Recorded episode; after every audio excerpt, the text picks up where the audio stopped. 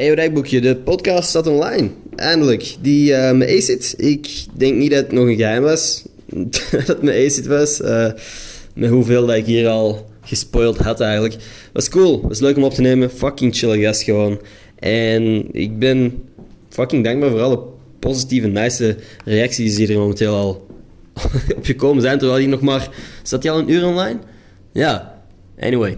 Cool. Thanks voor alle liefde. Afgelopen seizoen eigenlijk, de afgelopen paar podcasts zijn eigenlijk telkens echt wel nice ontvangen geweest. Thanks daarvoor. Ja, ik heb eigenlijk verder niet... Ah, jawel. Vandaag heb ik mijn sleutels van mijn nieuw kantoor opgehaald. Ik zit niet meer bij de boys in Gent.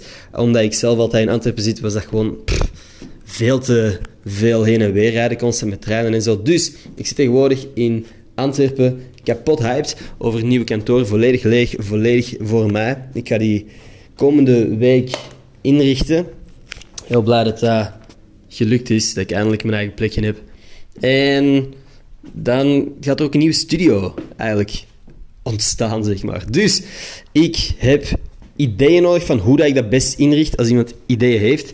Ik ga hier zo, tegenwoordig kun je dat blijkbaar hier op Spotify een vragen-ding Dus als je ideeën hebt van nice dingen die ik op mijn kantoor kan zetten. Het is niet gigantisch groot, maar leuke dingen voor in de achtergrond of zo, dingen waar ik content mee kan maken. Please let me know. Ik heb momenteel een volledig lege ruimte en ik zou die zo graag, die graag zo snel mogelijk wel krijgen. Dus, dat is uh, hoe mijn dag eruit zag.